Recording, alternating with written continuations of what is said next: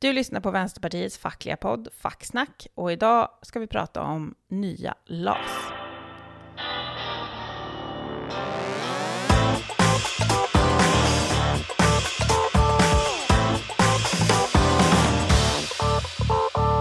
LAS-cirkusen är avgjord. Vad kan vi lära oss av LAS-striden? Vad innebär den nya LAS-lagen? Och sist men inte minst, vad gör vi nu?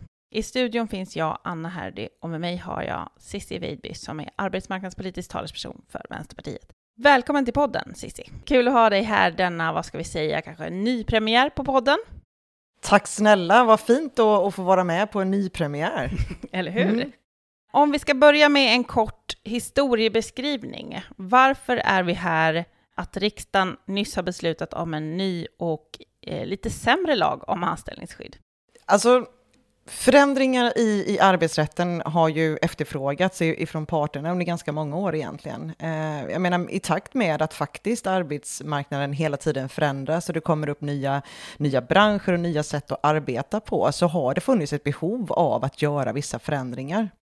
Eh, men jag skulle säga att, att under, eh, under SMP-regeringen eh, förra mandatperioden så, så vågade man nog inte riktigt göra de, de, som jag skulle säga, förbättringar som ändå efterfrågas då. Därför att styrkeförhållandena var väl inte riktigt så i, i, i kammaren som man skulle kunna ha velat.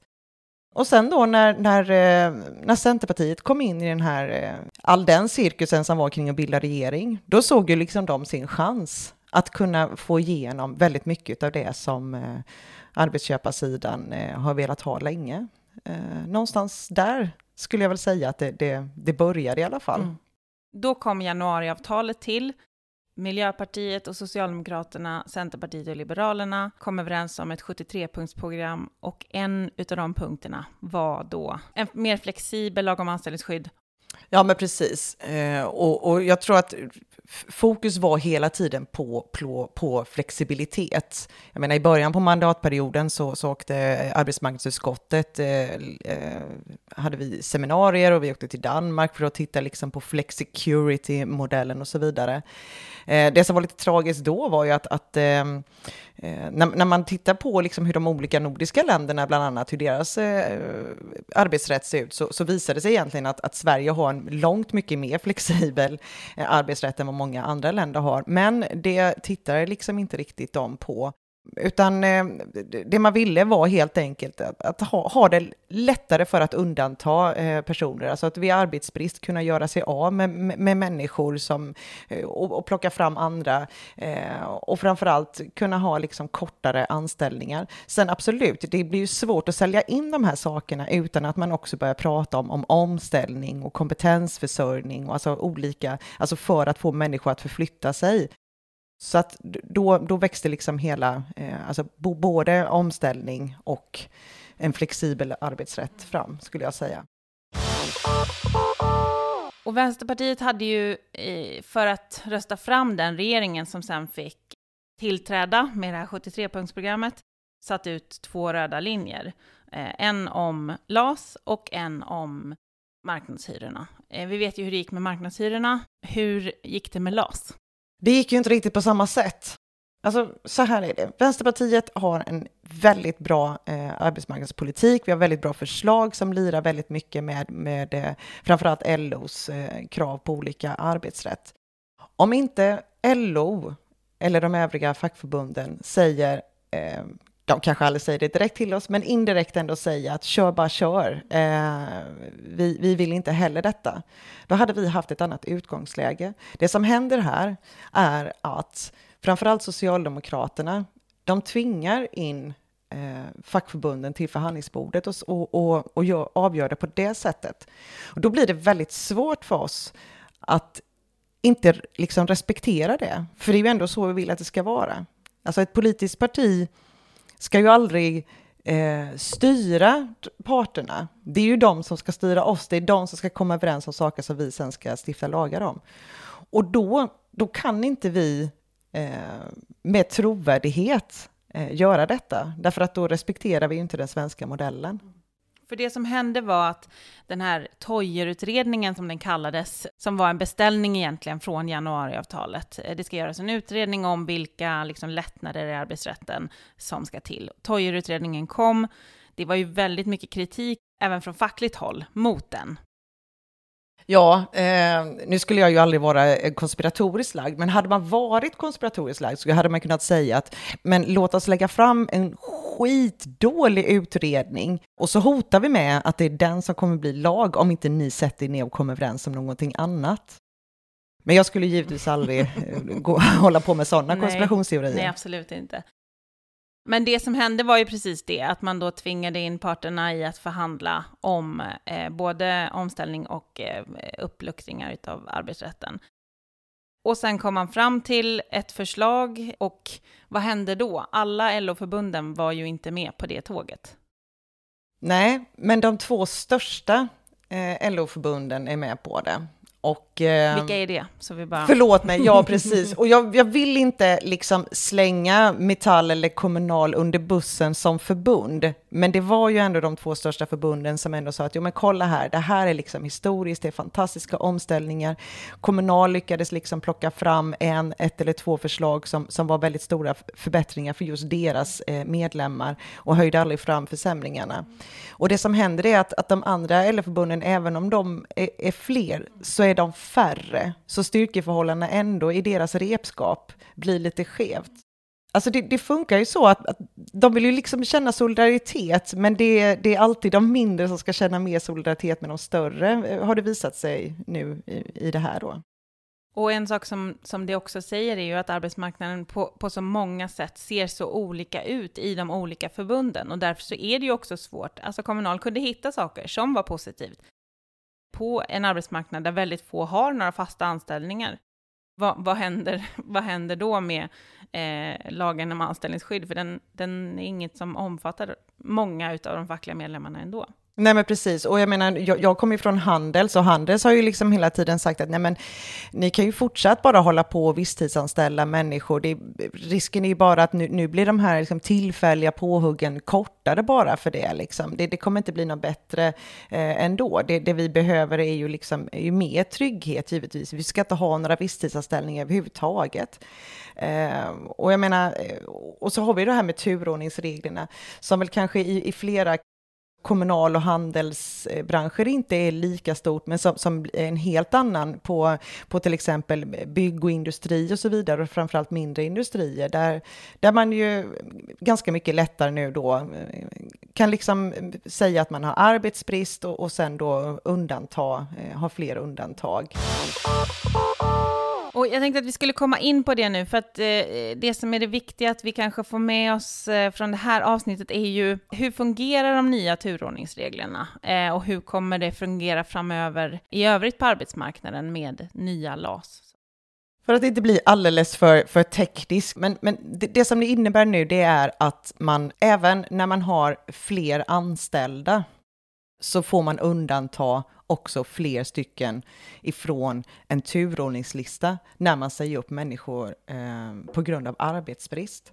I regel funkar det ju så att, att om det är arbetsbrist på ett, på ett företag, då brukar i princip alltid fack och arbetsgivare sätta sig ner och titta ut. Okej, okay, vi har arbetsbrist, si och så många måste gå. Och då brukar man i princip alltid komma överens om att ja, men här har vi en som är ganska nära pension, kan vi liksom lösa ut den och så vidare. Så man kommer överens ganska mycket. Men nu bestämmer man sig för att nej, men eh, nu ska vi ha fler undantag så vi inte behöver förhandla med facket om, utan det blir bara eh, ett sätt eh, är ju min farhåga. Att verkligen plocka bort de som är lite äldre eller de som, som man inte tycker Ja, det kan vara att man, man inte så att säga delar eh, företagets eh, värderingar eller kanske har lägre löneanspråk eller vad som helst. Alltså det blir ett helt mycket lättare sätt för företagen att sålla bland sina anställda, vilket skapar en större otrygghet än vad man hade tidigare. Vad innebär förändringarna då när det gäller vad som ska vara saklig grund vid uppsägning? Ja, men saklig grund och skälig grund, eh, det kan man ju tycka liksom att, att det är ganska litet ord, eller alltså, att det semantiskt inte betyder så, så värst mycket. Men det, det, får ju, det, får, det får väldigt stor betydelse om, om du bara liksom kan, eh, kan fabricera liksom en, eh, någonting, eller om du måste faktiskt bestämma var, varför du ska säga upp någon. Eh, om, om man har brutit liksom mot eh, några företagsregler eller arbetsrättsregler eller så.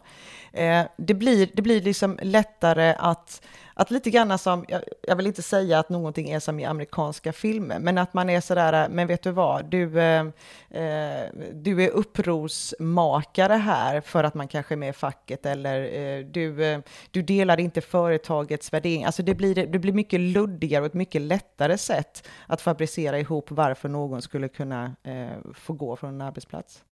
Om vi då går till det här med omställningen, är det ändå inte lite bra att det här nya LAS-paketet också innehåller förbättrat omställningsstöd? Jo, omställningsstödet är ju jättebra och, och alltså alla de här insatserna som görs för att människor ska kunna eh, utbilda sig igen eller sätta sig på bänken. Problemet är ju bara att i vanliga fall när man gör en förhandling mellan två parter, då säljer den ena någonting alltså, och så säljer den andra någonting. Men här har liksom arbetsköparna bara eh, de har bara fått en massa eh, förenklingar i regelsystem, men de behöver inte vara med och betala omställningen, för det är ju staten. Och inte bara staten, det gör även de, de som har CSN-lån är med och finansierar detta. Och det känns ju lite skevt. Och jag menar, eh, en, en sån här omställning, eh, det hade, hade ju regeringen kunnat föreslå ändå, utan att det hade varit med förbehållet att vi också gör de här försämringarna i LAS. För någon som inte är helt insatt och liksom lite utifrån så känns det ändå som att eh, arbetsgivarna, precis som du säger, får väldigt många saker eh, och att det kanske inte väger upp det andra som vi säljer. Eh, även om det är väldigt bra med omställning, eh, även om det är liksom, eh, bra med fler utbildningsplatser, mer eh, liksom av att man ska kunna byta bransch eller jobb och sådär, eh, så känns det som att det här inte riktigt väger upp för det andra. Håller du med om det? Ja, och därför att jag menar den här omställningen, den tjänar ju även eh, arbetsköparna på. Den här omställningen, eh, eh, dels att de kan då så att säga eh, köpa sig någonting, men det kan också vara så att om jag, om jag var svetsare, fast det behövs glasblåsare eller undersköterska eller vad du vill, alltså det, det är ju all, alla i den liksom branschen, alla som köper arbete tjänar ju på att människor är ombildningsbara och omflyttningsbara. Eh, så det här, är ju, det här är ju en samhällsnytta, givetvis både för individer men också för företagen. För några veckor sedan så hade vi alltså den här debatten i riksdagens kammare, eh, där arbetsmarknadsministern Eva Nordmark sa inledningsvis i debatten att förslaget eh, det här handlar om en historisk trygghets och frihetsreform och framhöll framförallt förbättringarna då för visstids och bemanningsanställda. Har hon rätt i någon del om det här med anställningstryggheten? Nej då, hon, hon eh, griper bara efter halmstrån. Hon måste ju hitta de sakerna som är bra givetvis i detta. Och, och det var inte bara det hon sa. Eh, hon hade ju ett väldigt gulligt liksom, meningsutbyte med, med Centerpartiets Alireza Akhondi, liksom om oh, tack för så fint samarbete och vi har gjort det här så bra tillsammans och bla bla bla. Det var lite, lite äckligt faktiskt att se om jag ska vara ärlig. Nej, men vet ni vad? Alltså hon måste ju, alltså Eva måste säga de här sakerna såklart. Eh, annars är hon ju liksom inte trovärdig. Och det här med att, att hon liksom eh, då också försöker att anklaga mig och Vänsterpartiet, och det var det flera som gjorde i debatten, säger att, att jag inte respekterar liksom den svenska modellen. Och jag tycker det är så fantastiskt, därför att det gör jag visst det, eh, alla dagar i veckan. Men, men jag kan ändå eh, tycka, och Vänsterpartiet kommer aldrig att överge våran politik som handlar om att göra det mer tryggt för arbetare.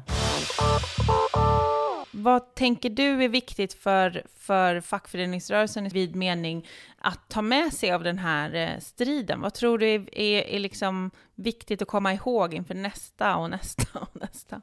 Jag tror att alltså det, som, det som gäller nu får ju bli sådär, alltså man får ju, man får ju på något sätt slicka såren ganska fort liksom nu eh, och bara inse att okej, okay, men det är så här det är nu.